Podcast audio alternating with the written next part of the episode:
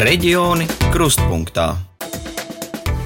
Latvija ir viens no lietotā tekstila galamērķiem Eiropā, kas nozīmē samērā daudz apģērbu un citu tekstilu iegādājamies jau zemākas kvalitātes, līdz ar to tas kalpo arī īsākam laikam.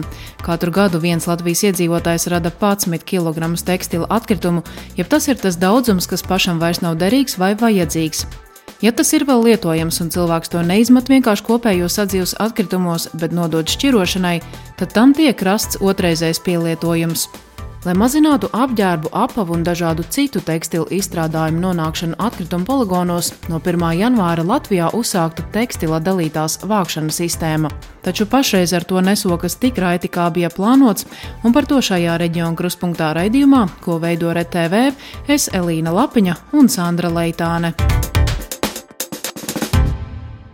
Tekstila atkritumu šķirošana vairākās vietās Latvijā uzsākta jau pirms dažiem gadiem. Tā piemēram Jaugavnieki apaus un apģērbus, kas vēl izmantojami dalītajos atkritumu vākšanas laukumos, var nodot jau kopš 2021. gada vasaras. Tagad speciālie konteineri pieejami arī publiskās vietās. Kopumā no visiem 20 plānotajiem tekstilam paredzētajiem konteineriem pašreiz Jaugavā izvietoti 11. Uzrunātie jaugavnieki sarkanos konteinerus, kas lielākoties izvietoti pie tirdzniecības centriem, pazīst tomēr pagaidām izmantojot maz. Nē, pagaidām nav bijusi vajadzība. Un eh, vai ir gadījies izmest sadzīves konteinerā lietot apģērbu? Mm, nē, mums vienkārši ir kam atdot viņu. Jā, esmu izmantojusi apaviem un uh, metāļiem. To, kas kārtīgi novelkās, to noteikti nē. Bet, nu, ja ir drēbes, kas ir uzvilktas dažas reizes un vēl joprojām ir ļoti labas, bet nedara vai gribās kaut ko jaunu, tad es uzskatu, ka tā ir ļoti laba ideja. No tekstilam paredzētiem konteineriem apavi apģērbs un tekstilu izstrādājumi nonāk šķirošanas stacijā Rīgā, bet, kā norāda atkrituma apsaimniekošanas uzņēmuma Eko Baltija vide valdes priekšsētājs Jānis Aizbalts, kura vadītais uzņēmums jau 2019. gadā uzsāka pilotu projektu tekstilu tekstilu savākšanā pagaidām izmaiņas savāktā tekstila apjomā nesot jūtams.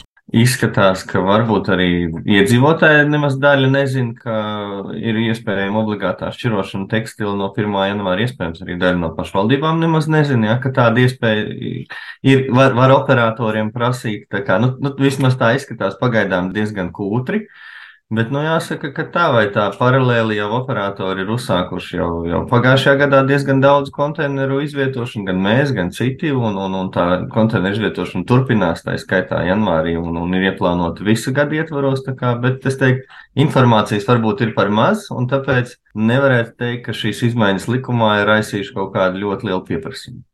Tekstila šķirošanas iespējas pašvaldībās tik tiešām atšķiras. Tā piemēram, šobrīd Valmierā publiski pieejami četri tekstila šķirošanas konteineri, kā arī tekstilu var nodot divos pilsētas ekolaukumos. Savukārt Liepājā speciālai konteineri izvietoti tikai atkritumu šķirošanas laukumos, kas ir trīs vietās, bet pašvaldība sadarbībā ar atkritumu apsaimniekotājiem risinās jautājumu par šķirošanas iespēju paplašināšanu. Savukārt Rēzaknē trīs tekstilam paredzētie konteineri pieejami vien no šī gada. Tie uzstādīti divos šķiroto atkritumu laukumos, bet vēl viens pieejams sadzīves atkritumu poligonā. Nākotnē konteineru skaitu plānots palielināt, bet tikmēr otrajā lielākajā Latvijas pilsētā Daugopilī pieejami tikai divi konteineri, un arī tie tikai pilsētas vienīgajā atkritumu šķirošanas laukumā. Turpina komunālās saimniecības pārvaldes vides inženieris Kaspars Laizāns. Varu teikt, ka visu 22. gadu šie konteineri jau, kā teikt, strādāja, viņi bija pieprasīti, un gada laikā ir savākt šajos konteineros vairāk nekā 45 kubikmetru tekstila. Kāpēc mēs esam uzstādījuši tieši šķirotu atkritumu savākšanas laukumā? Ļoti vienkārši. Tāpēc, ka šo laukumu apkalpo darbības laikā laukuma operators, dežurants, kurš arī rūpīgi pieskata, kas tieši konkrētajā konteinerā tiek izmests.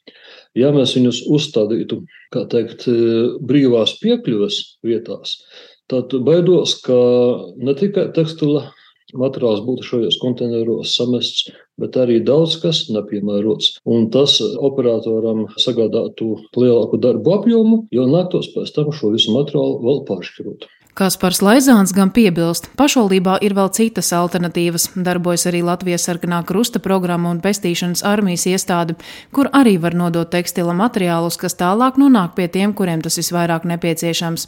Bet, ja iedzīvotāji prasīs, pilsēta meklēs iespējas sistēmas paplašināšanai, bet pagaidām ar diviem speciāliem Eko Baltija vide konteineriem esot pietiekoši. Šobrīd tos iztukšojot reizi mēnesī.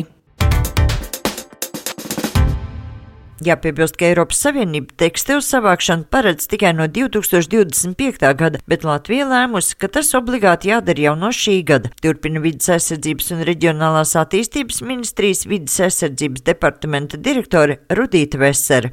Faktiski no šī gada janvāra jau ir jāuzsāk šī dalītā vākšana visā Latvijas teritorijā, un šādi konteineri ir jāuzstāda visās pašvaldībās. Protams, ka tas šobrīd vēl nav izdarīts, ir nedaudz aizkavējušies daži procesi, lai būtu arī šī konteineru iegāde jau veikta un ražotāja atbildība nostiprināta, bet tas ir tikai laika jautājums. Tekstilam paredzētajos konteineros atļauts ievietot tikai nesabojātus un tīrus apģērbus un tekstilu izstrādājumus, kurus vēl iespējams izmantot. Atkrituma apsaimniekošanas operators Cleaner konteinerus tekstilam sākuši uzstādīt pagājušajā gadā un pašreiz mēnesī savācot ap 16 tonām tekstila. Uzņēmuma valdes loceklis Valērijas Stankevičs stāsta, ka nevienu tekstilu konteineru saturu līdz šim vēl nesot nācies izmest sadzīves atkritumos, tomēr iedzīvotāji izpratni par vēl derīgām lietām un šķirošanu gan esot tālu no vēlamās. Protams, pastāv kaut kāds procents, kas ir netīrs vai galīgi saplēsts, kas nu, nebūtu pilnībā lietojams, vai arī ir citu materiālu pieaugums. Jo projām tekstilu konteineros mēs varam sastapt arī kaut kādus sadzīves atkritumu pārpalikumus vai nu pat elektrotehniku. Par tekstilam domāto konteineru, tāpat kā stiklam un plastmasai paredzēto konteineru iztukšošanu, iedzīvotājiem nav jāmaksā. Tomēr atkrituma apsaimniekošanas operatori pauž bažas, ka situācija var mainīties, ja netiks pieņemti grozījumi atkritumu apsaimniekošanas un dabas resursu nodokļu likumos, kas tādējādi noteiktu ražotāju atbildību. Turpina Sijā Eko Baltija videvaldes priekšsētājs Jānis Aizbalts. Šobrīd sanāk, ka pienākums operatoriem ir no 1. janvāra, bet sistēmas, kas te viņiem par to samaksās, diemžēl nav. Un tad jāsaka, ka es zinu jau vairākus operators, kas ir sākuši vērsties pie pašvaldībām, un tas ved pie tā, ka vienkārši operators saka, nu, tad ir jāiekļauj to sadzīves atkritumu tarifā, kas atkal nav pareizi. Arī uzņēmuma klīneru valdes loceklis Valērijas Stankevičs teica, ka pagaidām visas izmaksas sadzot paši, tomēr tas tā nevarot turpināties mūžīgi. Jebkāda veida loģistika, konteineru uzlikšana, šķīrošana, pārstrāde, viss maksā naudu. Līdz ar to, protams, ka tekstilu materiāliem jābūt dabas resursu nodokļu atvieglojuma sistēmas komponentei iekšā. To, ka tekstilu dalītās vākšanas sistēma vēl nedarbojas pilnvērtīgi atzīst arī varam.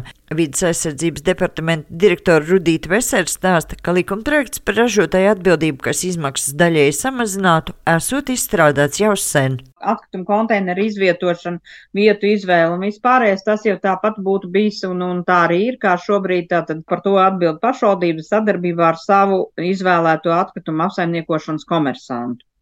Tas, kas varēja šo procesu var padarīt lētāk, tas ir kopējās izmaksas, tās ir šī ražotāja atbildība, kurai būtu bijis jānāk klāt. Nu, varam izstrādāt šādu likuma projektu jau pirms pusotra gada. Nu, diemžēl tālāk par ministru kabinetu šis likuma projekts nav virzījies. Ražotāja atbildības organizācija Latvijas zaļais punkts uzskata, kopā ar Eko Baltija vide īstenotais pilotprojekts bija, kā saka, treniņš, lai saprastu, ko iedzīvotāji nes atpakaļ un ko ar to pēc tam darīt, jo Latvijā nav tekstila pārstrādes rūpnīcas. Latvijas zaļais punkts direktors Kaspars Zakulis lēš, šobrīd konteineri varētu būt jau 140 vietās, bet viņa prāt kopumā Latvijā vajadzētu vismaz ap tūkstoti. Mēs jau, protams, skatāmies arī uz, tiem, uz tiem piemēriem, kas ir pasaulē. Un viens no tādiem mūsu ļoti teikt, populāriem un piesauktiem, piemēram, ir šī pati Francija, kur šī te tekstila savākšanas, jeb ražot atbildības sistēma uz tekstilu darbojās jau desmit gadus, un pat labāk viņi ir tikuši līdz 39% tiek savākts atpakaļ no tā, kas tiek pārdots. Un viņu mērķis ir tikt līdz 50%, respektīvi tie būtu 4,6 kg uz vienu Francijas iedzīvotāju gadā. Jāņem gan vērā, ka Francija ir lielāka un tur novietojas apmēram pusmiljons tonu tekstilu izstrādājumu gadā. Lēšams, ka Latvijas tirgu tikmēr nonāk apmēram 25 tūkstoši tonu. Tikai atšķirība ir tā, ka aptuveni puse ir jau lietoti apģērbi, kas atceļojuši no Anglijas, un kas ir lielākā lietoto apģērbu piegādātāja uz Latviju. Līdz ar to tas nozīmē, ka mums šī savāktā tekstila kvalitāte jau ir startā sliktāka, jeb zemāka. Līdz ar to šīs atkārtotas lietošanas iespējas vēl samazinās, un pārstrādes iespējas nu, teiksim, jau paliek vērtīgākas. Bet, nu, jebkurā gadījumā par šiem trijiem gadiem, kas ir kopš 19. gada, mēs esam ļoti, ļoti mācījušies, kur to likt, kā to labāk sašķirot, Vienā tekstilam paredzētajā konteinerā ietilpstot aptuveni tonna tekstilu izstrādājumu, kas tādējādi nenonāk atkritumu poligonos. Tomēr joprojām nav atrisināts jautājums, ko darīt ar krietni novalkātajiem vai saplēstajiem apģērbiem vai audumu atgriezumiem. Uzrunātie jaugaunieki nolietotos apģērbus lielākoties sadedzinot. Ja ir kokvilns vai kas, es viņu sadedzinu, man iespējas sadedzināt. Nu, bet sintētiskos kaut kur mētājās. Uh, es vedu uz laukiem, un tur tālāk man uh, vecāki viņus likvidē. Tā. jā, jā, jo nu, ir tādas, kuras tiešām vairs nevienam vairs nedos. Varam vidas aizsardzības departamenta direktora Rudīta Vesera norāda, ka vislabākais veids, kā samazināt izmetamo izstrādājumu daudzumu, esot tos mazāk iegādāties, bet tiekot meklēti arī citi risinājumi. Viena daļa ir tā, ko cilvēki var vēl lietot, kurus var atdot labdarībai, var pārdot, varbūt var tālāk izmantot jaunu, jaunu dizaina elementu radīšanai. Daļa aiziet arī tā skaitā, piemēram, dzīvnieku patversmēm un tam līdzīgi. Un, nu, protams, arī kaut kāda daļa aiziet, teiksim, matriču pildīšanai un, un, un dažādiem cita veida pildījumiem. Bet, protams, ir jārēķinās ar to, ka paliek arī kaut kāda daļa, kas, nu, īsti nav izmantojama. Cik tonnas tekstilu materiālu tiek apglabāts poligonos, pašreiz īsti nevarot pateikt, bet tā noteikti nesot lielākā sadzīves atkritumu daļa. Principā, lai tekstila nozara būtu apritīga, materiāliem jābūt tādiem, kas pēc apģērba nolietošanas atkal kļūtu par izējuma materiālu nākamajam izstrādājumam. Bet, nu, kā mēs redzam, tad ne tikai Latvijai te ir soļi lieli speram uz priekšu, bet tas jautājums ir globāli arī tāds ērkšķēns. Tā norāda ārā apģērbu ražošanas uzņēmumā Sijā Spektra Latvija. Korporatīvās sociālās atbildības vadītājs Krišjānis Dzalbe stāsta, viņu radītiem apģērbiem vissvarīgākais ir uzticamība un funkcionalitāte, kas nozīmē, ka lielā mērā šīm funkcijām vislabākie audumi ir tieši sintētiskie, kam izējumateriāls ir poliesters, neilons, elastāns, arī dabiskās šķiedras kā vilna un kokvilna. Bet šāds dažādu materiālu sajaukums rada dažādas problēmas, kas ir kopīgas daudziem ražotājiem ražotājiem, kur likt pašu radītos atgriezumus, risinājums meklē pie pārstrādātājiem ārzemēs. Arī šobrīd šķirojam savus tekstilu atkritumus priekš vēl viena pārbaudes projekta, kur vedam šos atkritumus uz Dāniju. Tur tie tiek pārstrādāti poliestera izēju materiālos, lai tad tālāk varētu tikt izmantot jau augstvērtīgu materiālu saražošanai. Ir uzņēmumi Somijā, Zviedrijā, Lietuvā, kas tekstilu pārstrādā mehāniski sadriskājot. Apstrādājot no tiem tālāk var izgatavot siltumizolācijas paneļus, materiālu izmantot matraču pildījumiem, agroplēvēm vai automašīnu paneļos. Tomēr tas nav tik vienkārši kā izklausās, jo jāskatās, kuru konkrēto audumu kā var pārstrādāt atkarībā no sastāva, kādas ir izmaksas un piedāvātais apjoms. Mēs esam kaut kādā ziņā pārāk lieli, lai to problēmu būtu maza un varētu to nolikt maliņā bet eh, pārāk mazi, lai mēs būtu interesanti eh, kādiem patiešām eh, liela mēroga pārstrādē. No tā arī radās problēmas. Esam arī agrāk nodevuši šos atgriezumus cementu rūpnīcai, tepat Latvijā, enerģijas atgūšanai, sadedzinot, kas ir nedaudz labāk kā noglabāšana izgāstuvē. Bet tur arī nonācām pie tā, ka nu, vairs nebijām tik interesanti, jo, jo tie apjomi ir pārāk mazi Ražotāju atbildības organizācijā Latvijas zaļais punkts atgādina un piebilst, tā kā 2035. gadā poligonos varēsim noglabāt tikai 10% no radītajiem atkritumiem, tad runājot par vairs nelietojamo tekstilu, lai tas nebūtu jāprok, paliek vēl ceļš uz rūpniecisku siltumu iegūšanu jeb sadedzināšanu enerģijas ieguvēju. Eiropā jau ir arī atkrituma sadedzināšanas rūpnīcas, kas atrodas tuvu pilsētām, dzīvojamiem rajoniem, kam nepieciešams siltums, un šādas rūpnīcas trīs ir arī Lietuvā, Igaunijā viena, Latvijā pagaidām neviena.